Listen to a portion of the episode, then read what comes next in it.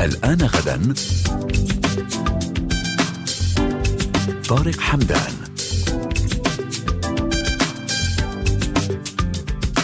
تلعب كتب اليافعين دورا هاما في تنمية مهارات القراءة والكتابة لدى الشباب وتساعدهم على فهم العالم وتكوين آرائهم الخاصة ومناقشة القضايا الحساسة التي يمرون بها ما بين مرحلة الطفولة والمراهقة.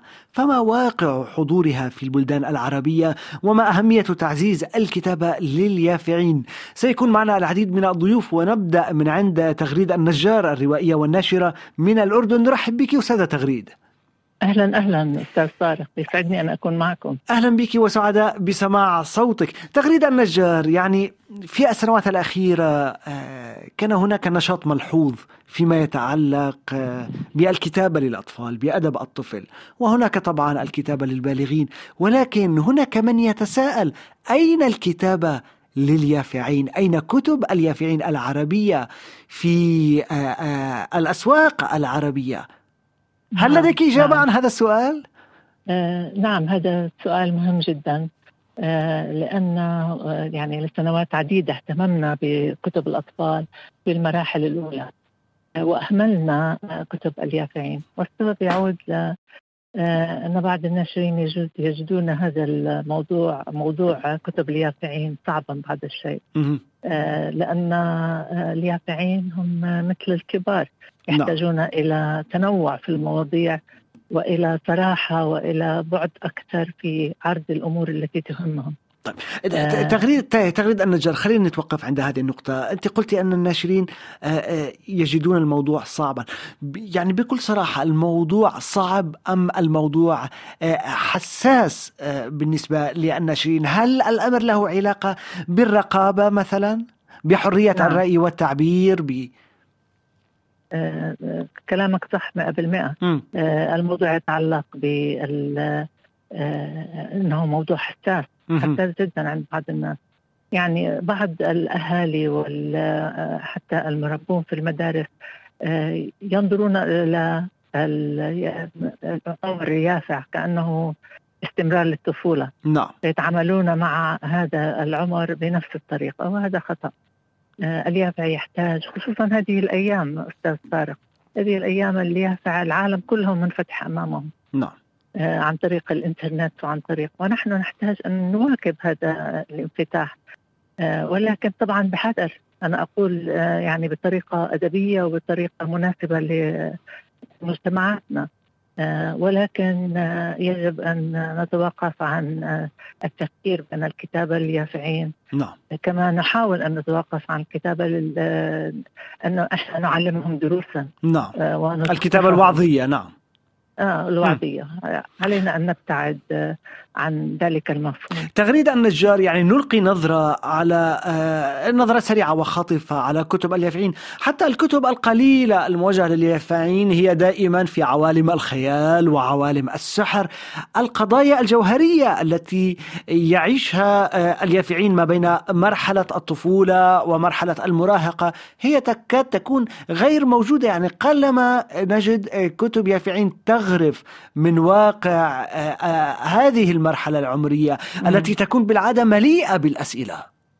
صح معك حق. يعني نحن بحاجة أنه نتوسع فيما نقدم لليافعين آه، من كتب ومواضيع لأنه آه، العالم أمامهم. فنحتاج أن نقدم آه، مواضيع تهمهم من واقع حياتهم مواضيع عن العالم من حولهم ومواضيع آه، تثير اهتمامهم. وهذا متوفر في الكتب الأجنبية. يعني هناك آلاف وآلاف من المواضيع والكتب ال- التي تنشر كل عام نعم. لليافعين. نحن في بدأنا في أول الطريق آه، وهناك تجارب ممتازة آه، تحاول ذلك. ولكن أيضا هناك آه، من يقف بالمرصاد ويحاول أن يمنع هذا مثل هذه الكتابات ما هي الجهات. التي تقف بالمرصاد؟ هل هي ربما جهات من المجتمع نفسه؟ هل هي من السلطات؟ ما الذي يقف آه، بوجه الكتابة لليافعين آه، تغريد النجار يعني مثلا آه، هناك إذا أنت أردت أن تذكر أن في هذه المرحلة. آه، قد يكون هناك بعض الاهتمام بالجنس الآخر نعم بشكل طبيعي يعني دون التفاصيل ودون. فهذا يعني بعض ال ال- قد يعني قد يثير حفيظة فئات مجتمعية ما طبعا نعم. نعم و- يجب كأن هذا غير موجود. يعني الواقع يقول أن هناك بعض المشاعر التي يشعر بها اليافع في مرحلة معينة من حياته نحو ال- الجنس الآخر. نعم. آه، ف ولكن هنا نحتاج نحن أن نعالج هذا الموضوع من ثقافتنا ومن آه، آه، مجتمعاتنا. مم.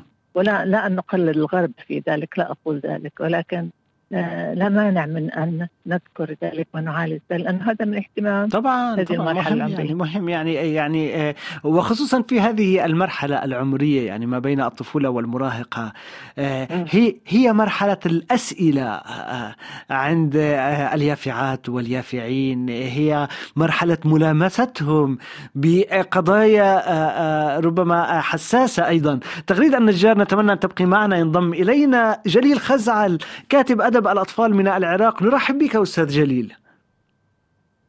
أهلا وسهلا بك. شكرا جزيلا. شكرا على الاستضافة. أهلا بك ودائما سعداء آه، بسماع صوتك جليل. آه، خزعة. لديك باع طويل في الكتابة للأطفال وأريد اليوم نتساءل عن الكتابة لليافعين. لماذا هي غائبة برأيك جليل خزعل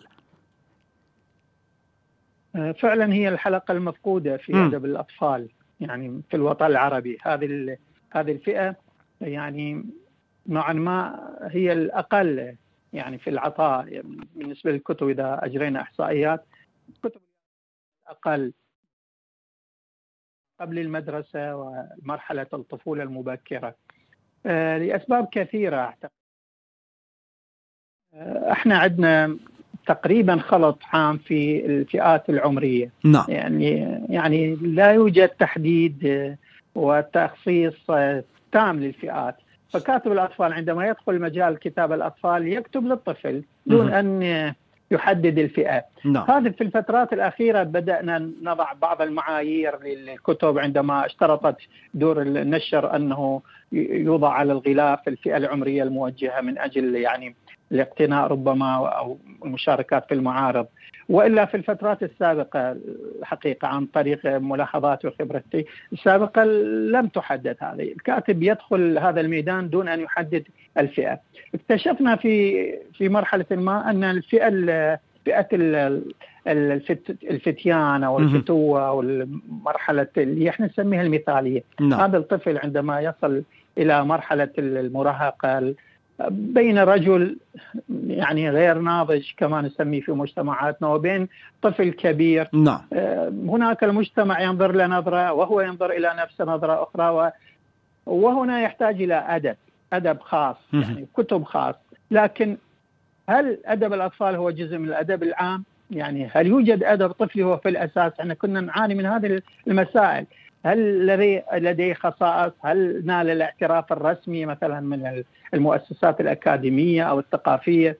هناك خلط الحقيقة، نعم انه ليس كل ما يكتب آه، للأطفال هو أدب أو كتابة أو إنما هناك شيء مكتوب طيب. بدون أن آه، يخضع إلى معايير جليل. خزعل آه، هل نعم هل يخاف الناشرون ربما نشر هل يخافون من كتب اليافعين؟ هل كتب اليافعين ربما تكون مصدر آه، من الأفضل آه، أن يتم تجاهله مثلا؟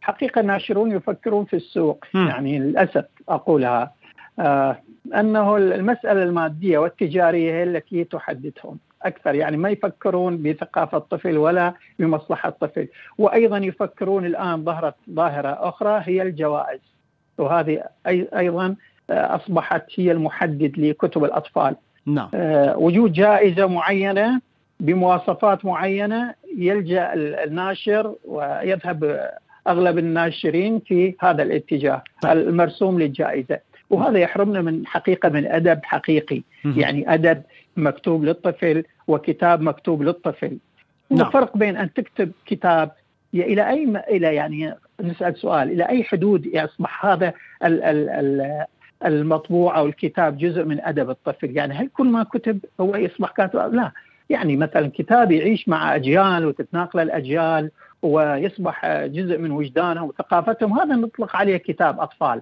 الحقيقة نعم. كما في الكتب المشهورة اليس في بلاد العجائب وغيرها اللي أجيال أجيال تتناولها و... يعني يعني يعني حتى ب- حتى. بحديثك آه، جليل خزعل أنت تردد كتاب أطفال وكأنه كتب اليافعين هي غير موجودة نعم هناك آه، في السنوات نعم، مم. في في- يعني في السنوات الأخيرة كان بالتأكيد. هناك تطور فيما يتعلق بالكتابة لأدب الطفل ولكن كتب اليافعين يعني آه، هي تكاد تكون غير موجودة التطور محدود جدا وهذا ارتبط بجوائز طيب. كما ذكرت مثلا جائزة كتارا مم. حددت يعني جائزة لرواية الفتيان بدأ ال- آه، بعض الزملاء يكتبون رواية للفتيان عندما تسحب هذه الجائزة ثق لا أحد يكتب. المشكلة يعني أنا المشكلة في هذه الجوائز. وهذا نعم. الذي نعم. يقال يعني أنها أيضا خلقت نمط معين من الكتابة نمط ربما ينسجم مع توجهات الجائزة نفسها أو مع البيئة الثقافية التي تظهر فيها الجائزة نفسها سواء آه، في قطر أو في الإمارات أو في غيرها من آه، البلدان هناك بعض الجوائز لليافعين آه، الكتابة اليافعين طيب جليل خزعل نتمنى أن تبقى معنا تنضم إلينا نشوى أحمد هي صحفية من مصر نرحب بك نشوى أحمد. أهلا بحضرتك أهلا بيكم أهلا بك. نشوى أحمد كتبت مقالا آه، يتعلق بالكتابة باليافعين وأشرت إلى أن الرقابة آه، ربما هي واحدة من آه، أبرز المعيقات لتطور هذا النوع من الكتابة. نتحدث عن آه، اليافعين. هل ممكن أن تقربين أكثر من الفكرة التي أردت شرحها؟ هي الرقابة بالنسبة لأدب اليافعين نوعين من الرقابة نعم. رقابة خارجية أو رقابة ذاتية نعم بالنسبة للرقابة الخارجية ال- يعني ما يتعلق بأنه آه، كتاب يصادر إذا آه، تعرض لقضية ما قد يرى البعض إن هي غير مناسبة لعمر اليافعين. أما الرقابة الذاتية وهي دي اللي واضحة أكتر في سوق في أدب اليافعين وهي فعلا اللي بتعيق مشروع الأدب لهذه الفئة العمرية وهي الرقابة الذاتية اللي بتنبع من داخل الكاتب يعني بيكون عنده اعتقاد إنه هيتعرض للهجوم هيتعرض للتلاسن إزاي تكتب ده لفئة المفروض إن هي بتتشكل. والحقيقة إنه ده فيه كتير آه، يعني ظلم للكاتب وظلم لل للمادة الم- اللي هي معدة لليافعين. وظلم لليافعين أيضا لأنه يعني إذا أخذنا إذا أخذنا جولة على كتب اليافعين بالعربية كلها كتب عن الخيال عن السحر عن العوالم آه، العجائبية. ولكن قلما نعثر على كتب يافعين تناقش القضايا الجوهرية تناقش الأسئلة التي تخطر آه، آه، في. هذه المرحلة العمرية. تمام. اليافع في هذه المرحلة بي يعني هو بيكون في مرحلة من الالتباس يعني بيكون آه، من بي- بينتقل من الطفولة إلى الشباب. هذه المرحلة اللي هو بيبدأ يشعر فيها إنه خلاص يعني آه، دخل في مرحلة النضج وفي مفاهيم كتير بالنسبة له وقضايا كتير بالنسبة له بتهمه. مش بتلاقي المقابل من التعرض لهذه القضايا بالعكس بيكون في استسهال أو في قيم تربوية طاغية على الأدب المقدم ليه نعم. أو في آه، إنه لا القضية دي ما ينفعش يعني مثلا هدي لحضرتك مثال برواية هروب صغير اللي كتبتها أستاذة عفاف طبالة. وكانت بتتعرض فيها لفكرة انه الطفل هرب من بيته. في الوقت ده آه، آه، تم هجوم الهجوم عليها واتقال انت إزاي انت كده بتساعدي الأطفال على بتشجعيهم على إن هم يهربوا من منازلهم وده مش حقيقي. لأنه ال- الرواية تناولت فكرة بت- بتطرق عقل كل يافع. يعني إحنا كلنا في هذه في المرحلة العمرية دي جاء في خيالنا إن يعني وقت ما بنت- نتمرد على سلطة الأسرة أو السلطة الأبوية أو الأم أو ما إلى ذلك إنه يعني أنا عايز أهرب أو عايز أمشي من البيت. لكن المعالجة كانت فيها كمان الرسالة ضمنية لأنه البطل في النهاية بيرجع للبيت وبيتقابل حاجات بشكل ضمني بتفهمه إنه الفكرة دي يعني بتعالج الفكرة بشكل نعم. لا يطغى على الفنية لكن بيقدم الرسالة بشكل مظبوط فهي الفكرة إنه ال- ال- اليافعين دول ليهم قضايا والقضايا دي لازم تعالج ولازم نبعد عن فكرة التابو طبعا ده لا يمنع إنه تكون في رقابة ذاتية بحيث إنه أنا في في اللغة اللي أنا بقدمها في أداب اليافعين تكون مناسبة للقاموس اللغوي اللغوي مناسبة لثقافة اليافع مناسبة طب- طبعا للقيم لإنه في حاجات ما ينفعش إن أنا أتكلم فيها زي يعني ما يتكلمش فيها بشكل فج أو بشكل اللي هو يعني يعني يكون تحريضي مثلا يعني وأنا بتناول القضية زي قضية طبعا يعني يعني طبعا أن يكون. هناك لغة مناسبة لهذه الفئة العمرية ولكن هذا لا بالضبط. يمنع بالضبط. يعني طرح القضايا الحساسة التي تواجه هذه الفئة بالظبط. تمام هو ده اللي أنا أقصده طيب نشوى أحمد أنا أنا نتمنى عايزة أقول لحضرتك تفضل.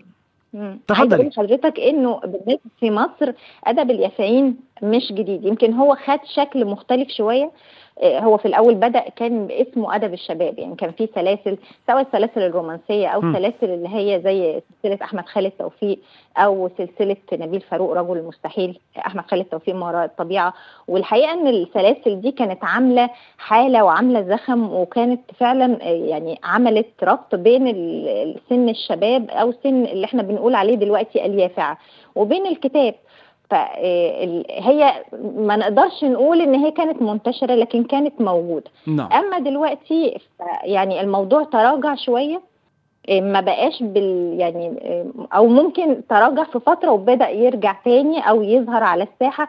وأنا شايفة إنه أنا لا أنتقد الجائزه اللي بدأت تساعد على إعادة ظهور هذا النوع لأن هي في النهاية دور النشر هي بتقوم على صناعة وأي صناعة تقوم على الربح ما فيش حد بيقدم مدخلات من المال إلا وهو منتظر إنه الربح وإلا مش هيستمر. نعم. ففكرة إنه يبقى في جهة ما تدعم هذه الصناعة سواء بجوائز أو سواء بجهة رسمية تدعم فكل ده بيخدم الموضوع حتى يعني وهو إحنا بنعول على إنه الجوائز تكتر أو الجوائز تبقى يعني ولكن ولكن نشوى. أحمد هناك من يقول أن هذا النوع من الجوائز ساهم في خلق نمط معين من الكتابة لليافعين، نمط آه، يعني ربما قد يكون مؤطر آه، ولا يطرح القضايا الجوهرية التي آه، يواجهها أو تواجهها هذه الفئة العمرية.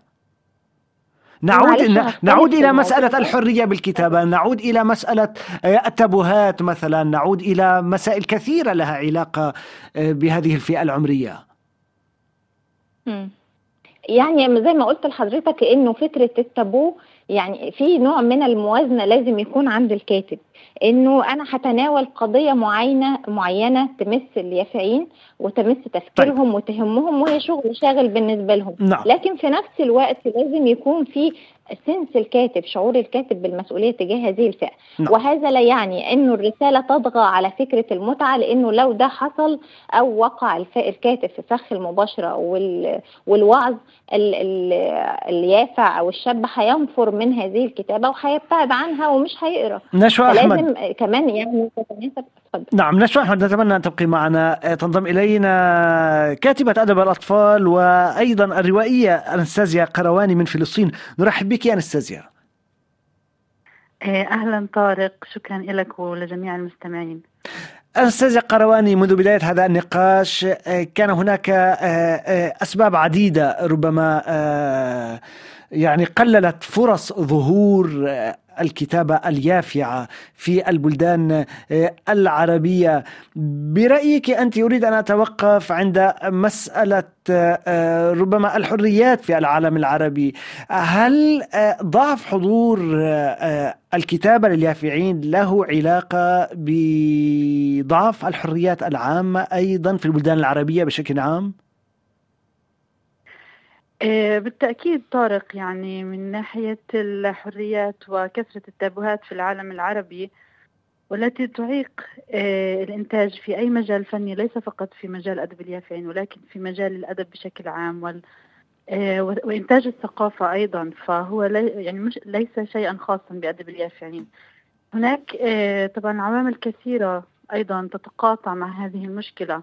يعني مثلا فئة اليافعين هي فئة غائبة. عن آه، عن خلينا نحكي عن المجال الثقافي. يعني ما في اهتمام بهذه الفئة ليس فقط في المجال الأدب ليس فقط في مجال إنتاج الأدب ولكن نلاحظ أيضا في مجال ما يقدم لهذه الفئة في من من ثقافة من فنون خلينا نحكي من موسيقى من مسرح إلى آخره.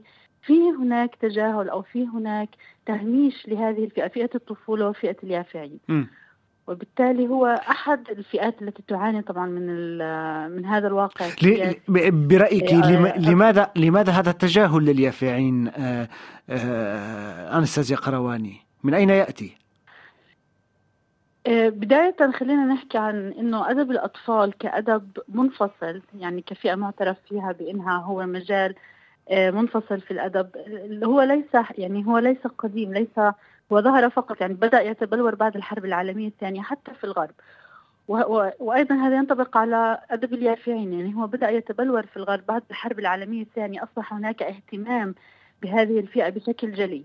وأعتقد إنه أحد الأسباب هو يعني مع المعاناة أو يعني معاناة الغرب والرغبة في التغيير والرغبة في التحديث والرغبة في الأمل إنتاج الأمل وإنتاج المستقبل.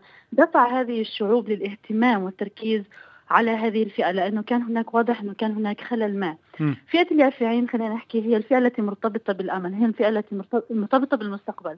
ف يعني منطقيا إذا إذا كنا نحن مهتمين بصناعة عالم أفضل، مستقبل أفضل، خلق أمل في هذا العالم، فلا بد من التركيز ولا بد من إنه إحنا نعتني بهذه الفئة يعني بأفضل ما يكون، فكان هناك كان هناك توجهات يعني كان هناك رسم سياسات ثقافية للاعتناء بهذه الفئة، فئة الطفولة وفئة اليافعين نلاحظ أن هذا لم يكن لا, ينطبق أو ليس موجودا في العالم العربي.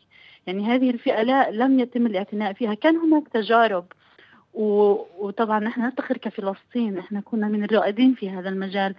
آه، مثل تجربة دار الفتى العربي في السبعينات. هو خلينا نحكي هي أول تجربة بدأت تتبلور عربيا من ناحية الاهتمام فقط يعني اهتمام وتركيز على هذه الفئة فئة الطفولة وفئة اليافعين. ولكن ك... كسياسات كرسم سياسات ثقافية بعتقد أنه في غياب في العالم العربي بالاهتمام بهذه الفئة مما انعكس على ضعف الأدب آه، الموجه لليافعين. طيب. آه، أنستازيا قرواني نتمنى أن تبقي معنا. تنضم إلينا عبير عزيم هي كاتبة يافعة من المغرب. عمرها 14 سنة حتى الآن لديها ثلاثة عناوين. زورق الموت مجموعة قصصية ومجموعة أخرى بعنوان درع الوطن ورواية أصدرتها أخيرا بعنوان شمس بحجم الكف. نرحب بك عبير عزيم. صباح الخير أستاذي كيف الحال؟ كيف الحال؟ من أين لك هذه الطاقة يا عبير؟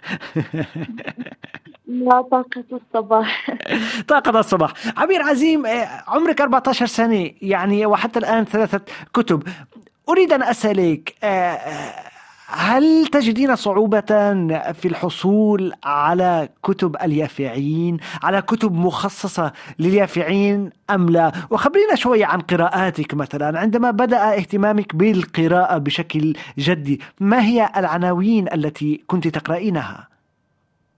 أولا السلام عليكم. أرحب بالمشاهدين والمستمعين. أه صراحة أنا سعيدة جدا بحضوري اليوم معكم في هذا الصباح المشرق. أه بالنسبة لسؤالكم حول القراءات فصراحة لا أجد صعوبة في اقتناء الكتب التي أقرأها لأنني أصلا عادة أقرأ كتبا ربما هي أكبر من من عمري. م. يعني كتب موجهة أه أغلب الكتب التي قرأتها منذ بداية مسيرتي في القراءة كانت كتبا أكبر من عمري موجهة إلى فئة أكبر من الفئة التي أنتمي إليها. نعم. عبير عبير عبير. يعني يعني آه، خلينا نحكي خطوة خطوة. أريد أن أتوقف هنا. يعني كنت تتوجهين إلى الكتب الأكبر من عمرك. هل آه، آه، ربما لعدم توفر الكتب التي تناسب مرحلتك مرحلتك العمرية أم لا؟ بصراحة. بصراحة لم يكن هذا سببا وجيها لقراءة كتب أكبر مني بل أنا لأعود إلى سؤالكم. فعندما يعني أنا اهتممت بالقراءة منذ سن صغير وكنت أقرأ قصصا موجهة إلى الأطفال قصص في مجال الأدب. الطفل كنت أقرأ لكتاب مغاربة كالكاتب المعروف أحمد عبد السلام البقالي. يعني هو يكتب كتبا وقصص قصيرة تحبب الناشئة في القراءة. وطبعا هناك لا, لا أنكر بأن هناك خصاص في هذا المجال. آه، لكنني يعني آه، صراحة كنت أجد كتبا موجهة إلى عمري لكنني عندما بدأت أكبر وأكبر آه، قررت أن أنمي وأطور من قراءتي لذلك توجهت إلى كتب أكبر من الفئة التي أنتمي إليها. جميل. عبير عزيم آه، يعني آه، آه، بدي أسمع رأيك. هناك من يقول أن كتب اليافعين طبعا نريد أن نفرق هنا بين كتب الأطفال وكتب اليافعين وكتب البالغين. هناك من يقول أن هناك نقص كبير في كتب اليافعين تلك الكتب التي تناقش ربما الكثير من القضايا الحساسة التي تواجهها هذه الفئة العمرية ما بين الطفولة والمراهقة. ما رأيك بذلك عبير عزيم؟ آه، ليكون رأيي واضحا فأظن أنه ربما هناك خصاصة في هذه الكتب التي تنتمي إلى هذه المجالات والتي توجه إلى الأطفال أو حتى اليافعين لأن ربما أغلب الكتاب والأدباء يعني المرموقين يكتبون في مجالات مختلفة مجالات ربما قد يصعب على عقل الطفل أو عقل اليافع أن يستوعبها. آه، لكن في نفس الوقت هناك كتاب يهتمون بهذه المجالات وأنا رغم أنني طفلة يعني لازلت في العمر في عمر 14 سنة لكنني أحاول أن أوجه كتاباتي إلى الأطفال كما أوجهها إلى الكبار أيضا. يعني رأيي في هذا المجال أنه بإمكاننا أن نوجه آه، أفكارا ومواضيع كبيرة للأطفال بطريقة بسيطة وطريقة شيقة تجعلهم يستوعبون هذه المواضيع ويستمتعون بها في آن واحد. عندما تكتبين هل آه، آه، تشعرين بحرية تامة أم أن هناك ربما أصوات داخلية تقول لك ربما عليك أن لا تكتبي في هذا الموضوع أو حذاري من هذا الموضوع.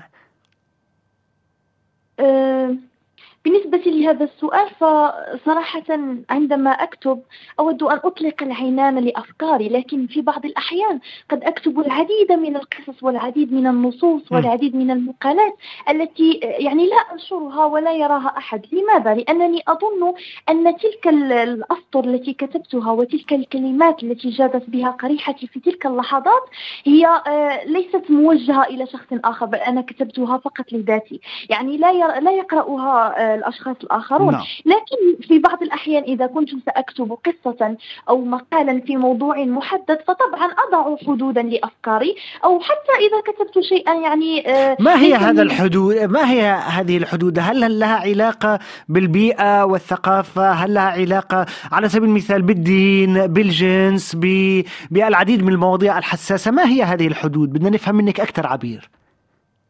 نعم إذا بالنسبة لهذه الحدود التي يمكن للكاتب والتي يمكنني شخصيا أن أضعها أن أضعها عفوا هي أنني آه، دائما ما أعمل جاهدة على أن آه، لا أمس يعني فكرة شخص آه، ما أو محورا أو معتقدا لأشخاص آخرين أنا لا نعم. لا أؤمن به أنا أكتب عن أفكاري أعبر عن أفكاري وأحاسيسي ومعتقداتي الشخصية لكن في نفس الوقت أحط نفسي من يعني تخطي وتجاوز حدود وجودي أو آه، الحديث في في مواضيع ربما هي أكبر مني. لا لا أود أن أتطرق إلى تلك المواضيع بل أتطرق إلى المواضيع التي لن آه، تسبب لي يعني آه، ربما مشكلا مع القراء أو شيء من هذا القبيل. اذا نعم. فأنا دائما ما أحط نفسي على احترام الآخرين احترام معتقداتهم خلال كتابة أي موضوع كيفما كان نوعه احترام يعني العادات والتقاليد والثقافات المختلفة وكذلك الأديان. نعم. هل تعتقدين أن آه، آه، آه، القراءة في سن يعني في مرحلة اليافعين أو حتى الكتابة يجب أن لا تلامس ربما المحاضير المجتمعية عبير عزيم أمور الجنس أمور الدين الأمور ربما التي قد تكون مختلفة أو خارجة عن آراء المجتمع؟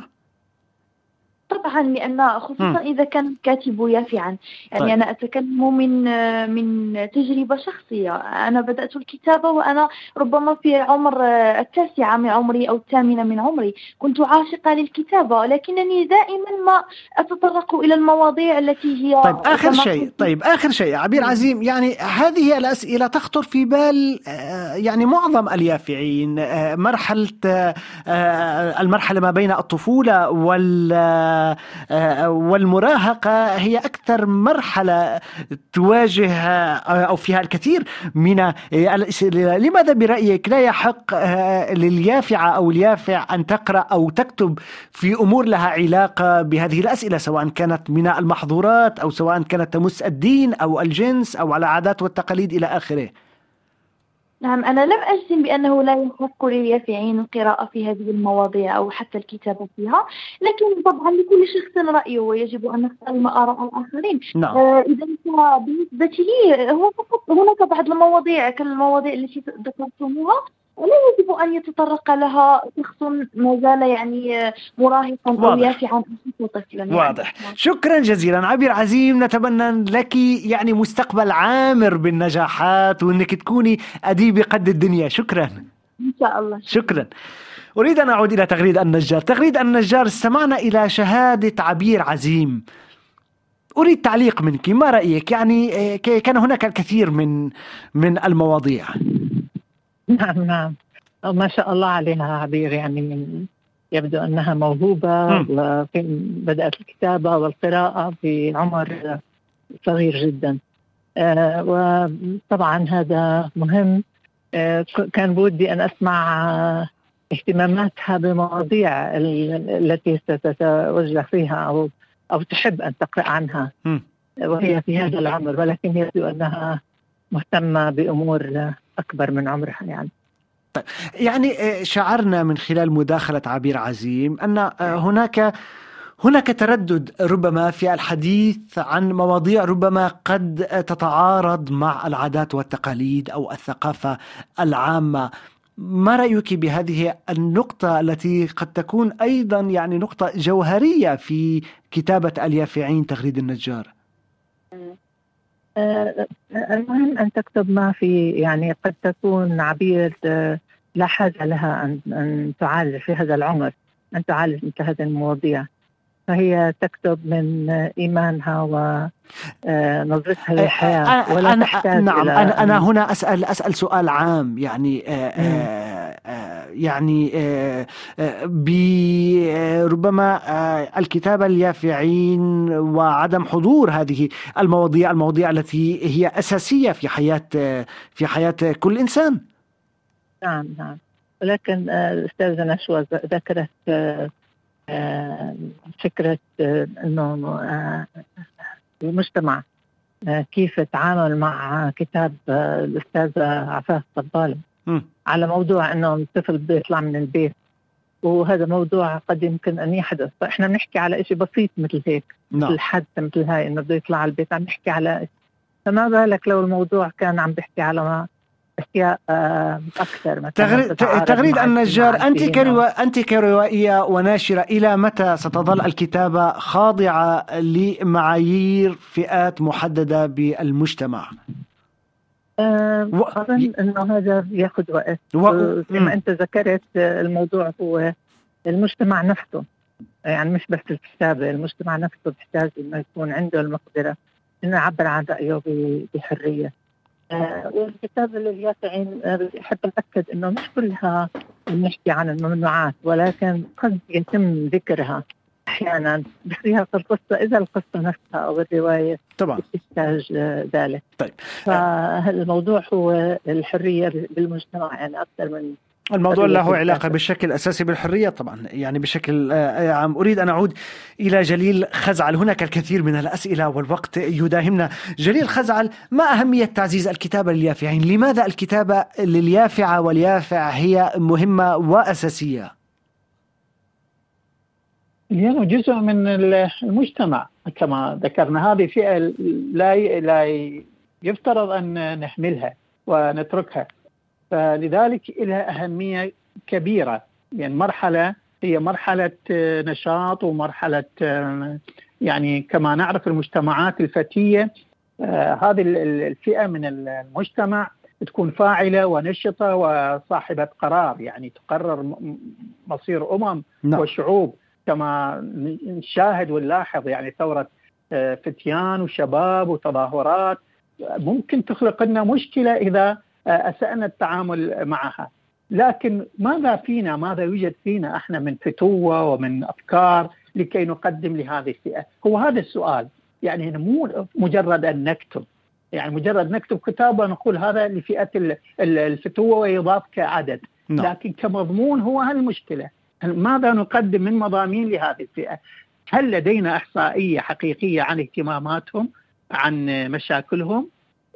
طبعا أنا أكاد أجزم. يعني لا توجد لدينا دراسات متخصصة تماما. يعني ككاتب أطفال من أين نعم. استمد آه، يعني هذه الأمور؟ قاموس الطفل اللي اكتب له مشاكله هذه كلها يجب أن توفر لي من خلال مراكز دراسات حقيقية. يعني الجامعة المعاهد المراكز نعم. الشباب وزارة الشباب التربية. ما عندنا إحصائيات طيب. حقيقية عن هذه الفئة واهتماماتها وتوجهاتها. أستاذ جليل خزعل ولذلك هذا نعم. اللي يصير الخلط. نعم. اسم اسمح لي أن أعود مرة أخرى إلى انستازيا قرواني. انستازيا قرواني قالت لنا العصفورة إنك عم تكتبي كتاب لليافعين صحيح أم لا؟ نعم صحيح. عم حاليا عم أشتغل على على نص روائي موجه لليافعين.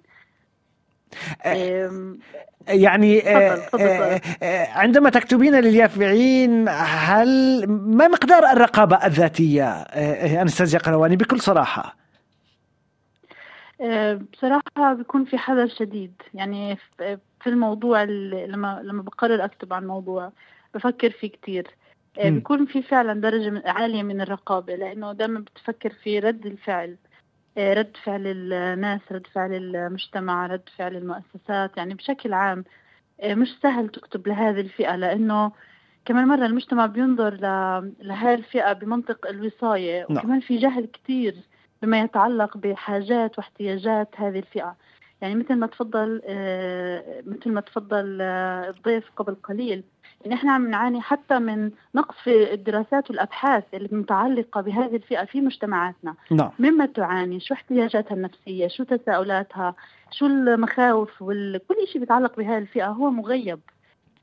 وبالتالي يعني. حتى كيف الناس بت- بتتفاعل مع العمل كيف الناس ردة فعل الناس مثل ما طرحت برضه الضيفة في مصر كيف الناس قرأت. يعني موضوع بسيط ممكن فعلا يخطر على بال كل مراهق أو كل طفل يافع نعم. ولكن كيف تم التعامل مع هذا الموضوع عندما طرح في سياق أدبي. طيب. فللأسف في جهل كبير. في جهل كبير وفي آه، يعني تجاهل لهذه الفئة العمرية. نشوى أحمد برأيك يعني كيف يمكن آه، تعزيز آه، الكتابة لليافعين؟ طيب هو في أكتر من حاجة لازم يعني يتم الانتباه ليها. اولا لازم الجهات ال- الرسمية تمول وتدعم النشر لل- لليافعه مهم. لأنه الموضوع أمن قومي هي فط...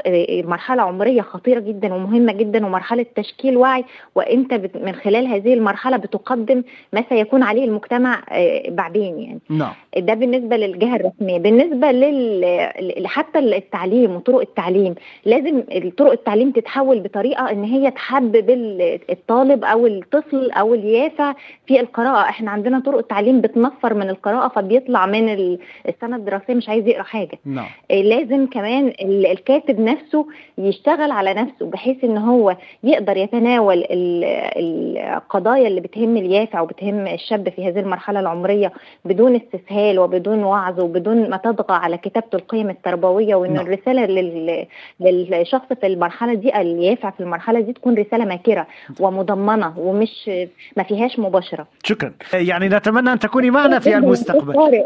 سعيدة بوجودي معكم شكراً. أستاذ طارق شكراً. أوجه الشكر أيضا إلى كل الضيوف الذين آه، كانوا معنا.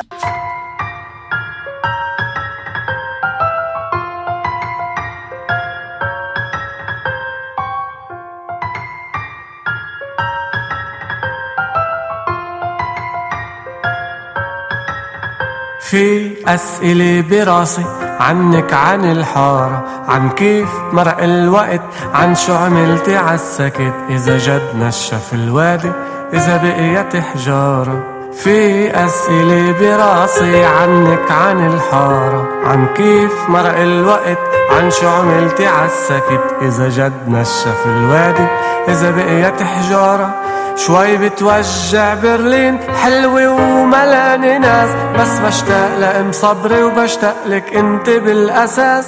شوي بتوجع برلين حلوة وملانة ناس. بس بشتاق لأم صبري وبشتاق لك بالأساس.